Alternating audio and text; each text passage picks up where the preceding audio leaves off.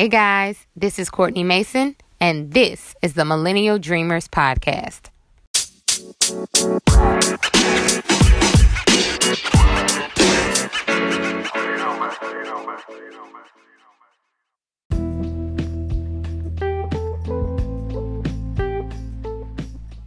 As millennials, we pride ourselves on being pretty progressive, but there's still some topics that we just aren't quite comfortable with.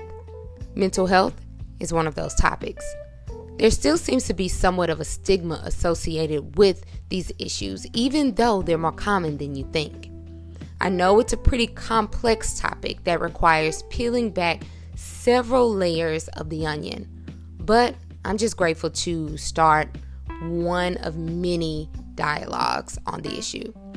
Today, I'm sitting down with the CEO and COO of Walker Family Services so that we can discuss more about how mental health affects the community at large.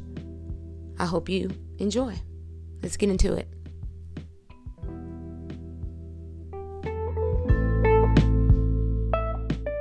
Millennial Dreamers, today on the podcast, we are discussing a topic that should be in the forefront of all of our consciousness, and that's mental health.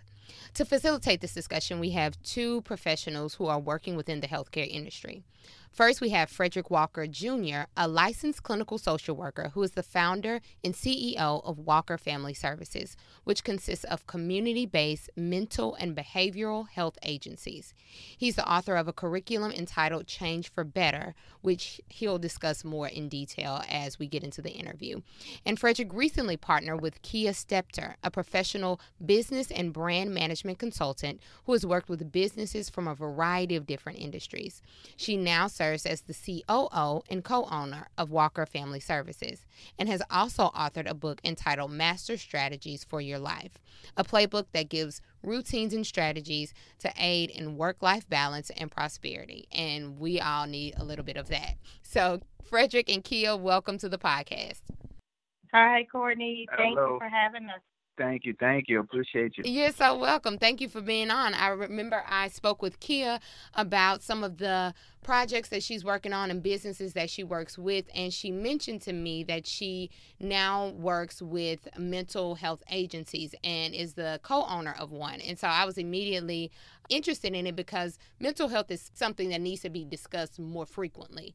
And I wanted to have you guys on to talk about it. And so before we get into the meat and potatoes of the of the interview, I want to ask that you guys give our listeners a glimpse into your background. Uh, absolutely, Courtney. And again, thank you for having us.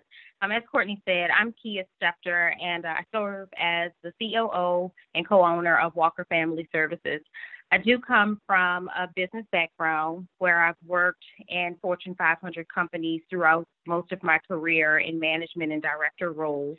Um, in my transition into entrepreneurship, I wanted to figure out how I could still be an entrepreneur and help other entrepreneurs to flourish.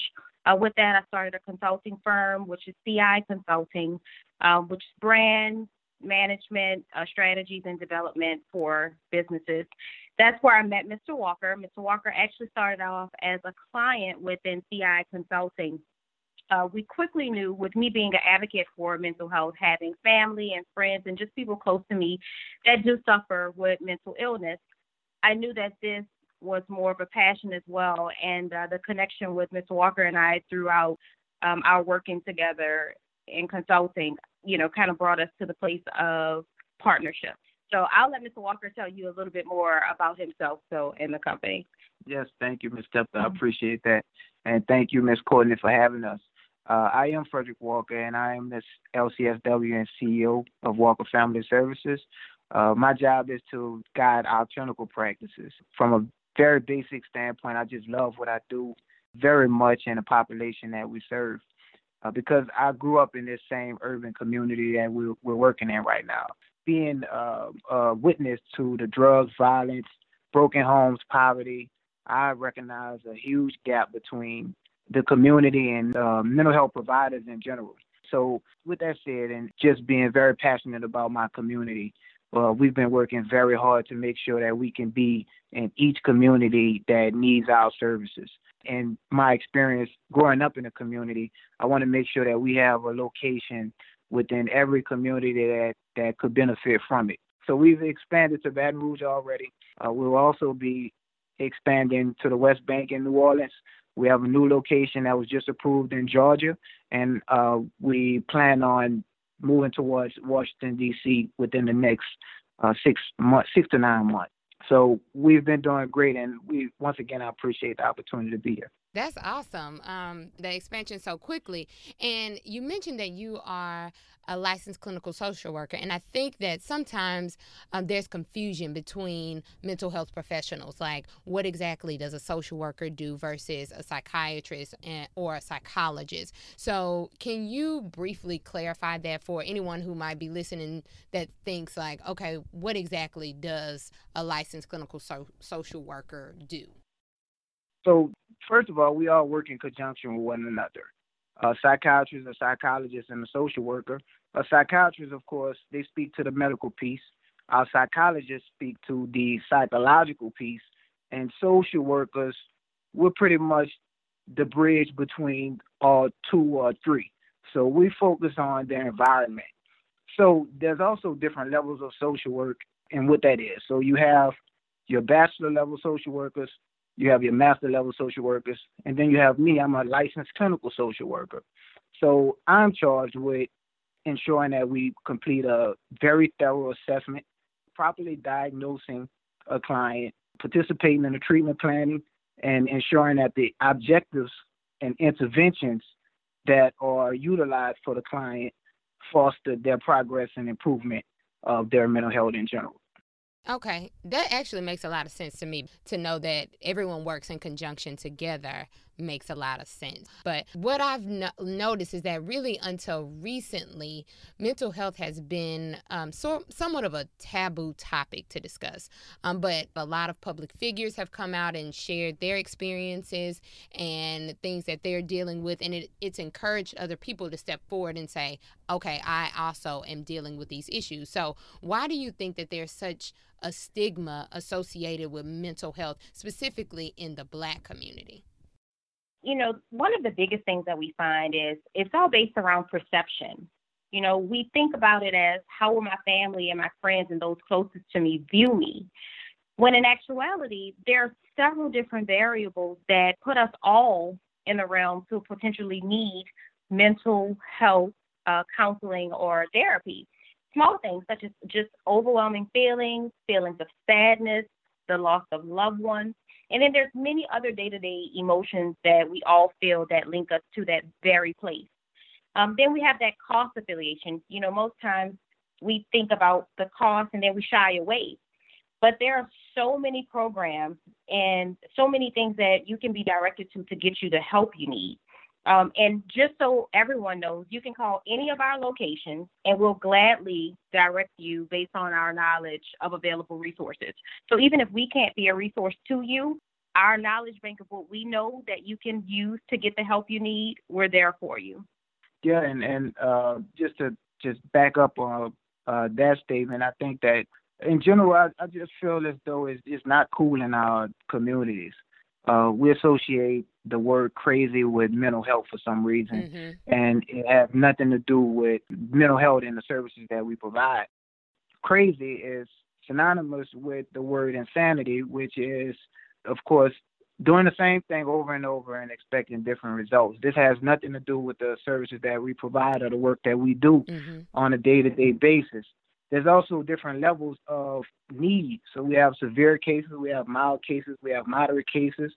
Uh, we have people that, that come to us that, that are not qualified to receive our specific services, but they are qualified to receive a lower level of care. We have people that are that need a high level of care. So I think that that's a major issue in general with the lack of education.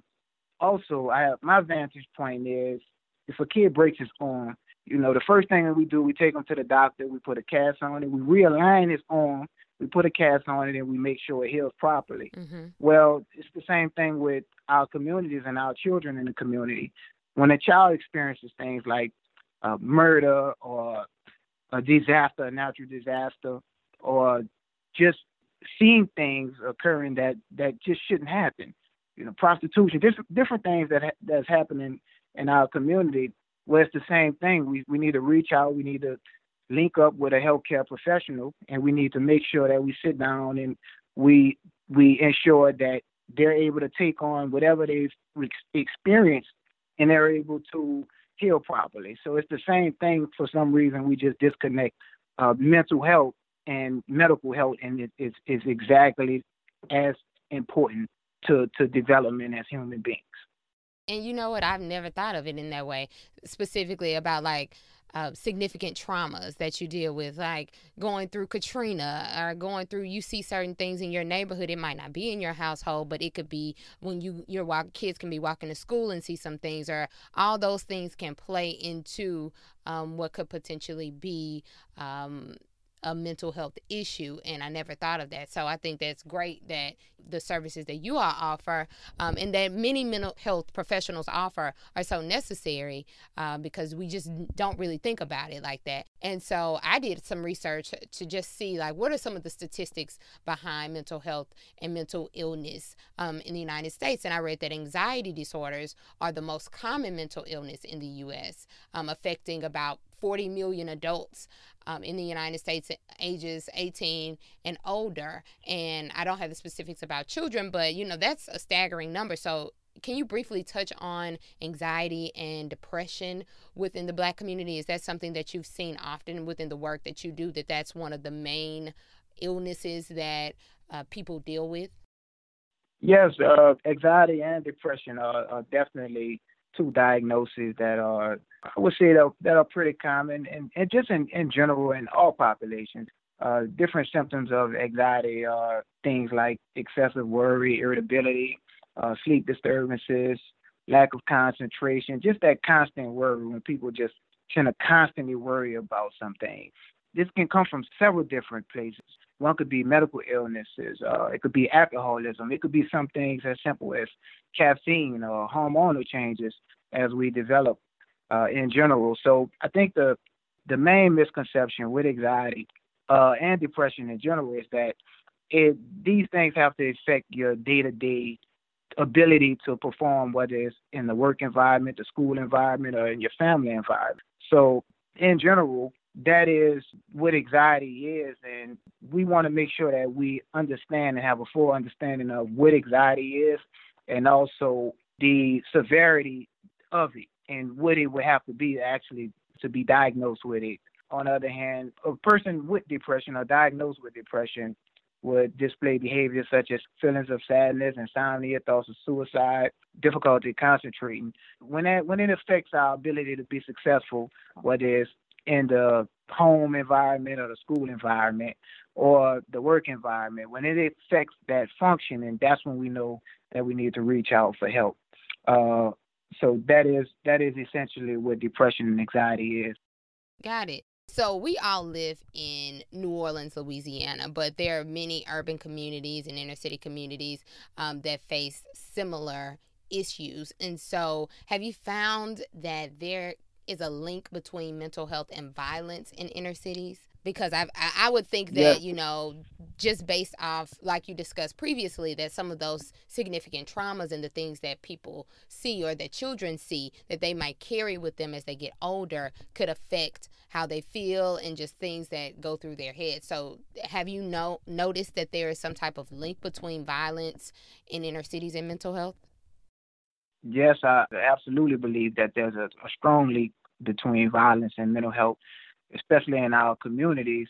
Well, you have to think about it. Traumatic events, any traumatic event would cause a, a person's behavior to, to be different. So when we experience these things and they're not treated, well, now you have a person with an undiagnosed mental health need, right? Trying to cope with the things that they've experienced so we grow up and we notice that, well, when our peers become angry, they re- resort to violence. And when our mothers or fathers become angry, they resort to violence. So that's just a negative way of coping with something that you just really don't understand another way to dealing with these things.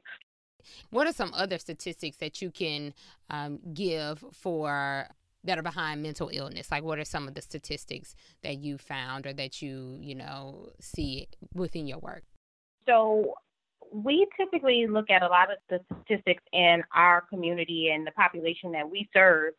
And if you think about it, we have 13.2% of the U.S. population identifies as Black or African American. And of those, over 16% had a diagnosable mental illness just this past year. Mm. When you think about that number, that's 6.8 million people. And those numbers come from the Mental Health of America, um, in case anyone wants to refer to it for more information. So, saying that to say, mental health um, and mental illness just in our community is so prevalent, and um, our goal is to just make sure that we are we stay community based and that everyone knows that there are resources available for it. Well, that's a perfect segue into the resources because I wanted to talk about Walker Family Services and specifically the services that you offer. So, can you kind of give us an idea of what if someone is like, all right, I have some of these issues, what are some of the services that they can anticipate uh, receiving if they were to walk through the doors of Walker Family Services? Yeah, so we do psychosocial rehabilitation, um, and those services are designed to help uh, clients with disabilities increase their functioning by learning the necessary skills to become confident um, and self sufficient. Then you have your community psychiatric support treatment. That is the treatment that helps uh, meet challenges of youth and, and adults in emotional or behavioral problems through those services. So that includes counseling, symptom monitoring, uh, ongoing assessment needs, and then linkage to appropriate resources within the community. Uh, we do treatment planning. We also work in independent or work on independent living skill building. Uh, we have crisis intervention, medication management, um, outpatient therapy as well. That's a, a good slate of services. So, you know, anyone who might be dealing with anything, make sure that you look into Walker Family Services because that gives like a full range of options.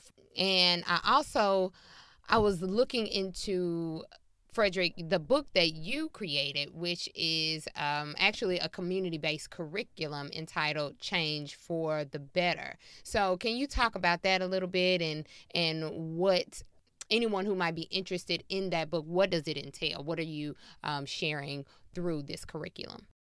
Yes, I'm I'm absolutely excited about Change for the Better. It is a educational tool. It's a it's a curriculum and it, it teaches specific skills and it comes from a very personal place for me.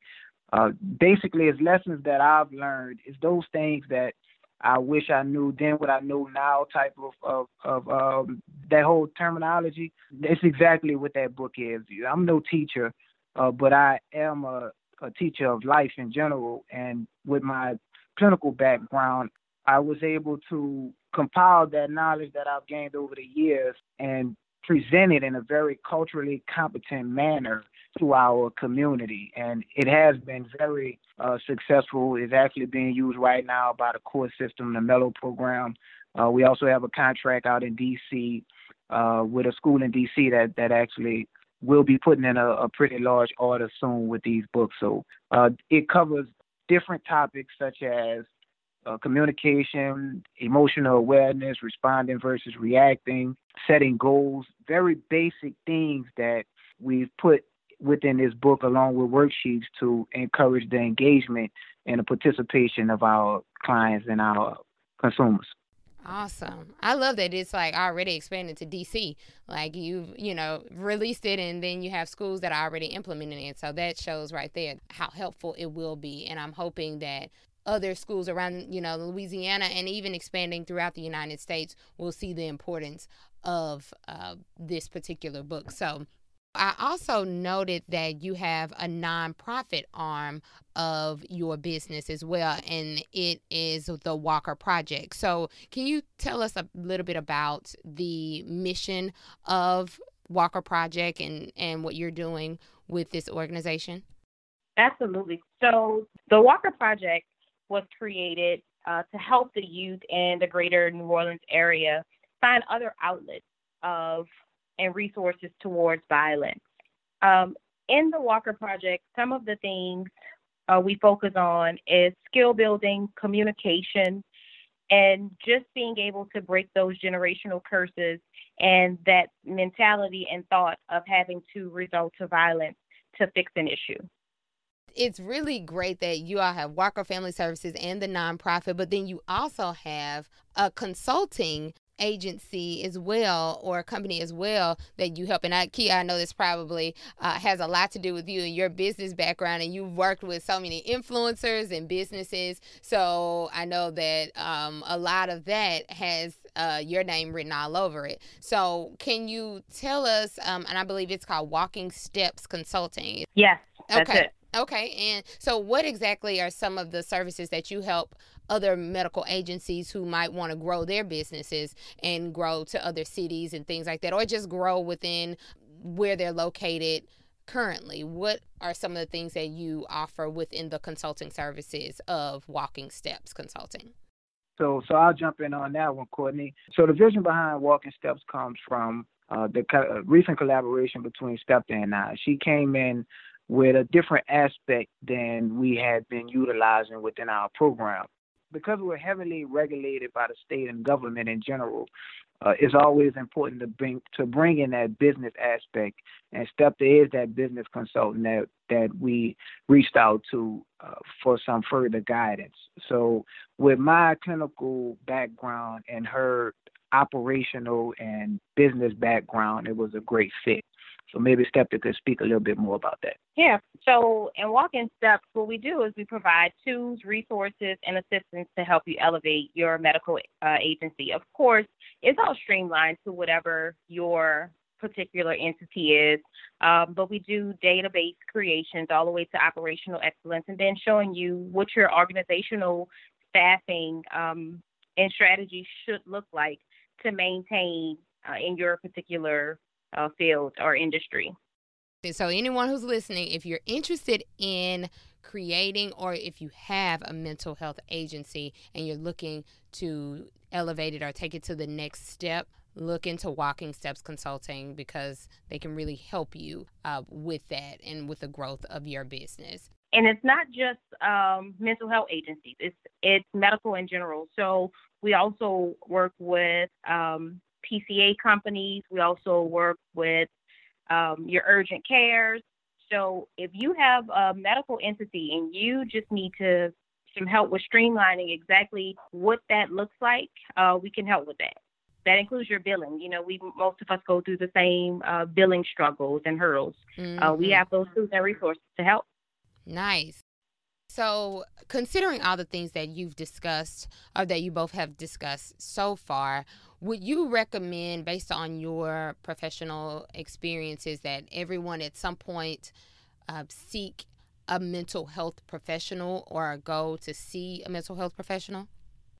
Yes, in, in my opinion, and I think most mental health professionals or licensed mental health professionals in general would say that yes, we should all receive and seek out some professional, trained, unbiased outlet in life in general. It's easy to speak with our family and friends, but you have to keep in mind that these people are not professionals. And we also have, you know, just the confidentiality. We don't want to tell our moms everything. We don't want to tell mm-hmm. our sisters or brothers. Or, you know, we don't want to have that conversation with everyone. So it's very comfortable to go in an environment where you understand that we absolutely have a responsibility to maintain confidentiality and you can just be free and open with your thoughts and and and receive that feedback that you need and be engaged and and have someone explore your thoughts your history and the things that you've been through and link it to how you may be feeling today and the things that you may be experiencing today. And just that common knowledge and understanding of who you are now and how where you've been is affecting who you are now is an eye opener to anyone, whether they have any type of mental uh, diagnosis of many need, mental need in general. So, what's the best way to deal with mental illness? Is it therapy or is it medication? Like, what are some of the best practices um, for dealing with uh, whatever mental illness that you have or that an individual is experiencing? With our company, we believe that therapy and skill building counseling is the best way of dealing with it. But with that being said, Courtney, we do offer medication management, but we're big on holistic approaches to um, solving issues. Medication management from us is the last resort. What we do is we try to make sure that all of our clinicians are adequately trained and developed to render the best service and therapy to every client before we resort to medication. Okay. We don't want any clients to ever have any dependency on anything other than themselves for getting through um, anything they may be dealing with. So, to answer your question, medication is an option, but it is also a last resort. Okay. Yeah, because that's a fear I think people feel like I don't want to have to depend on medication. Um, I know I might need some type of help, so that that's reassuring to know that usually it's like mm-hmm. what what are the other options that can be exhausted before medication is that but then sometimes it's just necessary um, to have right a, and that's why we have the books as well you know each book actually is a part of therapy and skill building uh, when you think about my book uh, which is available for pre-order now. It's the Master Strategies for Your Life.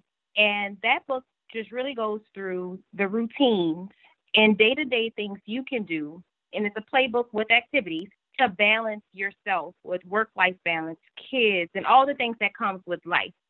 We try to create uh, these type of templates for our clients and those who aren't clients that may need another outlet to deal with something. And you know what?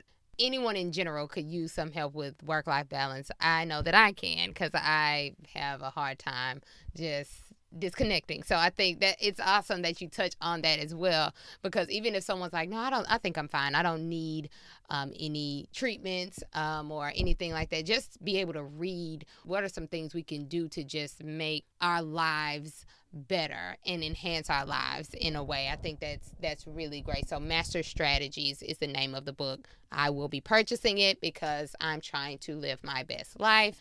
Let's just say that.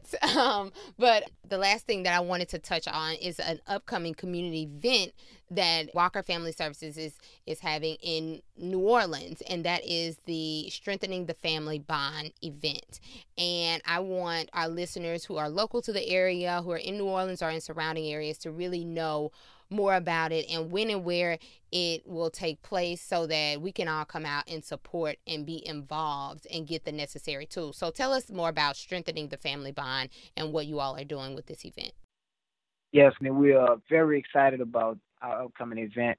Uh, it will be on February 9th from 2 to 5, 2 p.m. to 5 p.m. Uh, at 8601 Palmetto Street, uh, New Orleans, Louisiana 70118.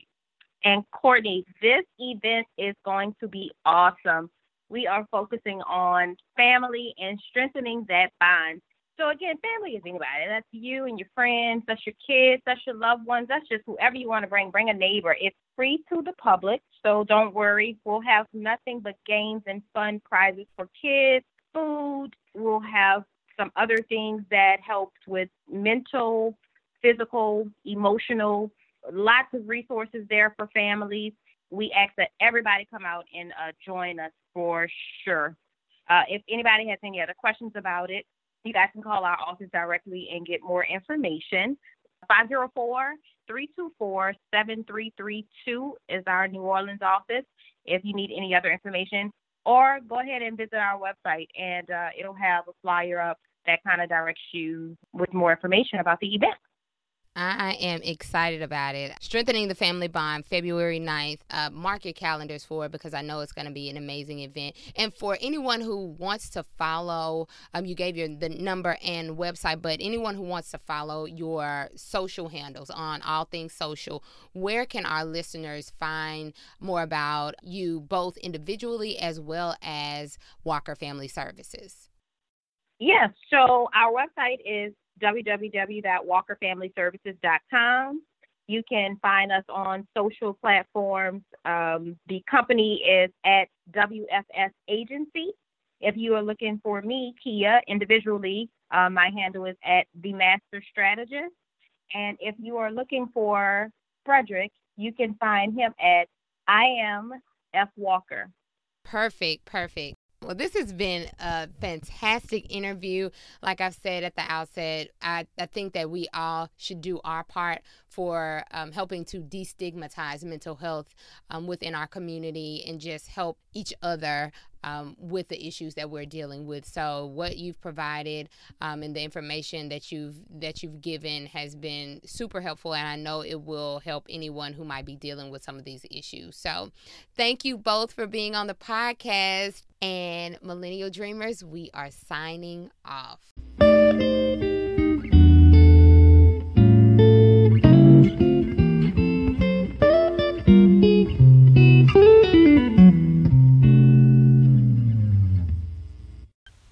Thanks so much for listening to this week's episode.